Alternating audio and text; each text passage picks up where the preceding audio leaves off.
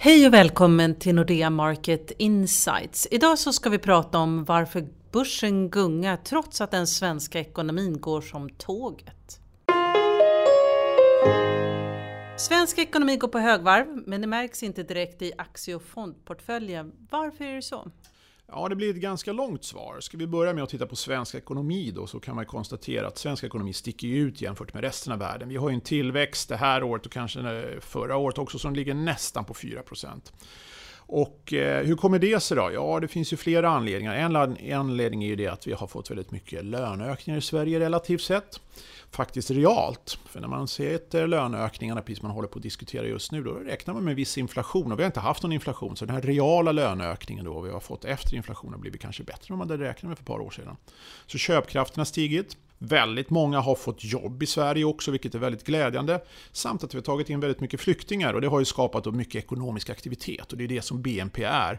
Så eh, det är det egentligen det handlar om i grund och botten, att vi har ett litet fönster här med god ekonomisk medvind och det har gynnat Sverige specifikt.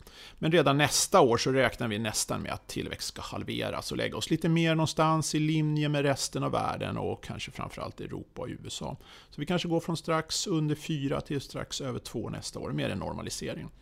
Så tar vi den här stora bilden då kan vi konstatera att globalt så växer ju världen inte mer än vad man räknade med för ett år sedan, utan tvärtom lite mindre. Utan konstant har man skruvat ner förväntningarna under en längre period. Så på global nivå så väntar man väl att världen ska växa ungefär 2,5-3% beroende på om man köpkraftsjusterar det eller inte. Man kan räkna på olika sätt. Men som sagt prognoserna har inte åkt upp någonting. Och tar man det här då till börsen och fonderna så kan man konstatera att de allra flesta bolag, både i Sverige och globalt, har ju en global verksamhet. Man är mer beroende av hur egentligen världskonjunkturen ser ut än hur den inhemska konjunkturen ser ut. Och det återspeglas ganska väl. Och drar man den sen ytterligare ett steg då och tittar lite grann på vad det handlar om? Jo, det handlar ju om tillgångslag egentligen. Vad handlar det om aktier? Och aktier är ju globalt tillgångslag. Och är det så att börserna utomlands inte går upp, då går det ju aldrig upp i Sverige heller. Precis som när det väl börjar gå på uppåt utomlands, så spelar det ingen roll hur svensk ekonomi ser ut. Det är helt oviktigt, utan vi följer med allt annat upp. Så det har varit, kan man säga, mera globala argument till varför då varken aktie eller fondportföljen har rört sig så bra och inte på något sätt egentligen återspeglar den ganska goda svenska ekonomin. Och det är så det har varit och det är så jag tror det kommer att vara i framtiden också. För tittar vi på den trenden som vi börjar skönja här efter jul så har det faktiskt vänt efter en väldigt dyster höst. Vad beror det på? Och det är också en rad samverkande faktorer. Om man bara tittar snabbt bakåt på vad som hände. Oljepriset föll väldigt kraftigt. Man var väldigt orolig för den internationella konjunkturen. Samtidigt då som amerikanska centralbanken tydligt flaggade för att man skulle höja och skulle höja flera gånger. Och i bakvattnet på det så kunde man förvänta sig en ännu starkare dollar. Och en ännu starkare dollar skulle drabba då råvaruländerna som då prissätter alla råvarudollar ännu hårdare för de är hårt skuldsatta. Och oljan kanske skulle fortsätta ner ännu mer. Och man man var även rädd då för amerikanska vinster och faktiskt hela den amerikanska konjunkturen. Så kring årsskiftet fanns det en mycket uppdriven rädsla i finansmarknaden att USA faktiskt skulle gå in i recession. Sen började vindarna vända. För att eh, när börserna stod på minus 10, minus 12, då började centralbankirerna världen över att reagera. Och först var det väl ECB ut som började prata lite mjukt och började peka lite grann på liksom att ja, vi ska försöka göra lite grann för att bidra att det blir bättre. Amerikanska centralbanken backade också rent retoriskt, vilket då fick dollarn att bli lite svagare. Och när dollarn blev lite svagare då återhämtade sig mycket av de här råvarorna som fått oerhört mycket stryk och de råvarurelaterade länderna, emerging markets, återhämtade sig också. Bank of Japan sänkte också en gång till och kinesiska policymakers då, som jag pratat om tidigare höll ju kongressen och var väldigt tydligt med att nu ska det växa 6,5% och vi ska pumpa in så mycket krediter det behövs för att få saker och ting att funka. Och då har det slappnat av lite grann. Så man kan säga att det är centralbankirerna världen över som har fått vindarna att vända och finansmarknaden att må lite bättre. Och i grund och botten, det allra viktigaste, det är att amerikanska centralbankerna blivit mycket mjukare i sin linje. Vilka påverkar dollarn och dollarn är världens viktigaste valuta. Man pratar ju ibland om skräprally. Vad är det? Är det bolag som man vågar satsa på? Ja, det där är nästan en filosofisk fråga. Det är ett skräprally nu och vad är då skräp? Ja, det är väl egentligen bolag som kanske över en längre tid än en konjunkturcykel inte, eller mycket konjunkturkänsliga. De kan ha lite svaga balansräkningar eller har helt enkelt en exponering så att man arbetar då inom cyklisk verksamhet, verkstad eller med råvaror. Och de här bolagen och sektorerna fick oerhört mycket stryk under fjolåret, framförallt under andra halvåret och kring årsskiftet och i början av det här året då när börsen var ner 10% var ju de som tog allra mest stryk. Alla bara dumpade dem och tänkte att nu går det åt skogen. Och man var ju rädd att det skulle bli nyemissioner och mer eller mindre skulle gå i konkurs. Men sen då när saker och ting började lätta på, då kunde vi konstatera att säljarna hade väl sålt. Och då var det ganska tacksamt att plocka upp de här. Så vad man gör väldigt mycket nu, det är väl det att man, man köper de här utan övertygelse får man säga. Man vet liksom att det är tekniskt översålt, då är det bra att plocka tillbaka de här och när fler hoppar på då sätter ju alla maskiner igång och så köper de det här också. Det behöver liksom inte vara någon djupare tanke utan det går när det går, precis som det går ner så går det upp av egen kraft lite grann och blir ganska självaccelererande. Det är ett ganska klassiskt beteendemönster vi har sett under nästan två månader. Och jag skulle vilja säga just för stunden befinner vi oss nog fortfarande där. Att jag hör att undertonen är liksom så här, ja men ska du inte ha lite cykliskt, lite verkstad och lite konjunkturkänsligt, lite gruva och lite råvaror. Ja, det är väl inget fel att köpa det om man vill tjäna pengar, men det är helt utan övertygelse. För i grund och botten har ju världen inte blivit bättre på något sätt. Men de här bolagens möjligheter att överleva eller tjäna pengar framöver, de har ju självklart stabiliserats, för stunden i alla fall. För om vi ser på Stockholmsbörsen så är det ju de här gamla bolagen som ABB, Husqvarna, Volvo som står för uppgången. Är det gammalt som är bäst? Ja, just i det här fönstret är det ju faktiskt så. Och återigen då så är det någon form av spegelbild av kan man säga, senhösten eller hur vi avslutade året. För då var det de bolagen som gick väldigt dåligt. Och då ska liksom marknaden anpassa sig till det och prognoserna ska då sänkas lite grann och då är det många som inte vill ha det här och sen när man liksom har sålt klart lite grann och då kommer man i en ny balanspunkt och så tänker man härifrån framåt då? Ja, det går ju inte helt åt skogen i alla fall. Vi köper det där för allt annat då som vi egentligen gillade det här konjunkturstabila och lite bättre. Det hade ju en bra höst och, då, och då, då, roterar man runt helt enkelt och försöker tjäna lite pengar. Så det är mycket följa John, mycket gruppbeteende. Och nu är det ju faktiskt mycket riktigt som du påpekar, de tunga klassiska industribolagen med global exponering, exponering mot global konjunktur, som går bäst. Hur håller det, hur länge håller det på då? Ja, det får vi ju se efteråt. Va? För om vi tittar på bank och råvara, det är ju någonting som verkligen fick ta stryk under hösten och vintern. Vad tror du om den typen av aktier nu? Ja, det är ju så att i det här fönstret som vi nu befinner oss och har varit i drygt en månad så är det ju lite bättre medvind helt enkelt. Strukturellt långsiktigt så är ju motvinden där utan tvekan för världen kommer inte växa snabbare just mycket än vad den gör just nu och efterfrågan kanske inte heller kommer bli så mycket starkare. Men de har blivit så extremt översålda. Så råvaror befinner sig nu i ett återhämtningsfönster. Mycket då tack vare att dollarn har blivit mjukare, blivit lite eh, mindre stark. Hur länge det håller på, det vet vi inte. Det beror ju på vad Fed kommunicerar här framöver. Råvarupriserna generellt sett har ju studsat upp jättemycket. Så den här opportunistiska handeln som har pågått, det, det, vi är i det fönstret just nu och det kan mycket väl hålla på att ta till faktiskt. Så det kan man säga om råvarusidan. Bank är betydligt mer komplicerat. För bank om man tittar internationellt är inte populärt. För man vet liksom att det är svårt att tjäna pengar, det är en nollräntemiljö och internationellt, framförallt i Europa, så har man fortfarande mycket stora kreditförluster i böckerna som man inte har tagit fram. Och med väldigt låga räntor är det svårt att tjäna räntenetto. Så att eh, europeiska banker liksom har varit på eh, säljlistan en längre period och är nog det fortfarande. Nu pratar man om att man ska skapa någon form av Securum, en bad bank i Europa då, för att ta hand om de här dåliga krediterna. Och det är jätte, jättebra. Så europeiska banker kanske kortsiktigt fortsätter att återhämta sig, men strukturellt har man stora bekymmer.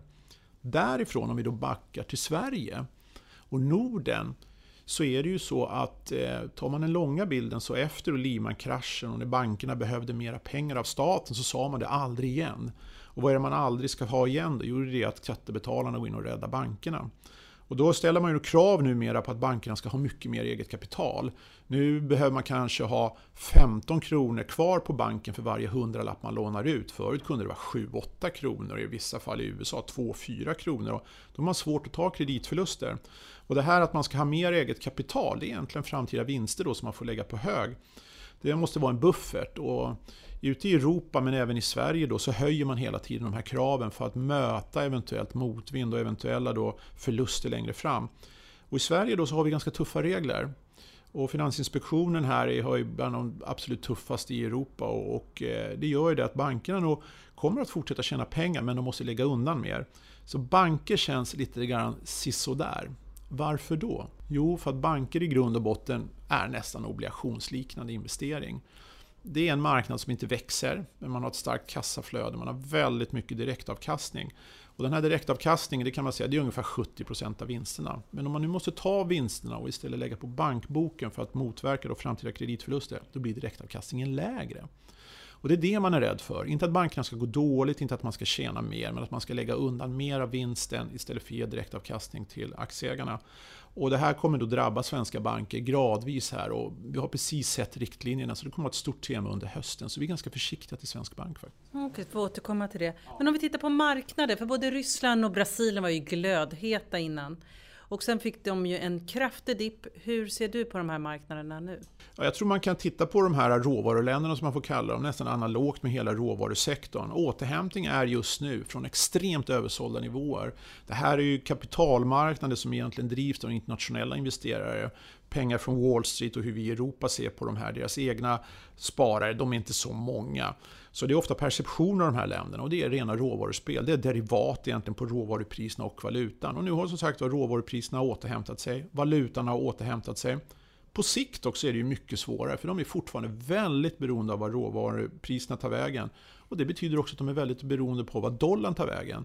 Så om den amerikanska centralbanken Fed då blir lite mera omtänksam kring inflationsutsikterna och dollarn börjar bli lite starkare, då kan vi nog räkna med att råvarupriserna vänder neråt igen och de här länderna återigen inte blir så populära att äga, för man förstår att kopplingen är ganska tydlig. Och det är där vi står just nu, så vi är ett lättnadsfönster från väldigt översålda nivåer. Så det går en röd tråd från de här länderna till de här bolagen, till de här sektorerna. Vi går in i en ny rapportsäsong nu och vad är det man kan förvänta sig? Jag tror man nog kan förvänta sig en rätt okej okay rapportsäsong. Och det är flera olika anledningar. Den främsta anledningen är väl faktiskt det att man har sänkt förväntningarna rejält. Vi kan konstatera att vinstprognoserna i Sverige, USA, Europa och även globalt har kommit ner kraftfullt under, ja, i och för sig nästan hela året, men även under de senaste veckorna. Och det är ju mycket det att man har ju lärt sig från bolagens sida att kommunicera. Man brukar ju prata om analytikermassage och det finns ju på riktigt och det är inget konstigt. Man ringer runt och pratar och man stämmer av lite grann så att man inte ska se ut som en idiot på rapportdagen så att man hamnar ungefär helt rätt. Så det har masserats rätt ordentligt. Och, eh, så därför tror jag nog att när rapporterna väl kommer så hoppas man på aggregatet och sammanlagda, sammanlagda antalet bolag då, att det ska bli lite bättre än man förväntar sig. Så brukar det framförallt vara i USA. Så en helt okej okay rapportsäsong, men med det sagt då, så är vi fortfarande i ett ganska svagt fönster. Och jag tror fortfarande att kanske vi har något för höga förväntningar faktiskt. Men om du tittar på resten av året, hur ser eh, vinstutvecklingen ut då? Ja, det ser faktiskt rätt bekymmersamt ut. För att ser man då för eh, Sveriges del, om man tittar på ett index, OMXS30 till exempel, så förväntas ju bolagsvinsterna i år stiga ungefär 1%. I USA förväntas vinsten stiga ungefär 3%. I Europa ungefär 1%. Och det är väldigt lite. Och det räcker egentligen bara med att valutorna rör sig lite grann så är det här helt borta. Så det är ju ett år egentligen helt utan vinsttillväxt. Och egentligen handlar ju börsen i grund och botten om att man handlar på framtida vinster. Så det är rätt tråkigt.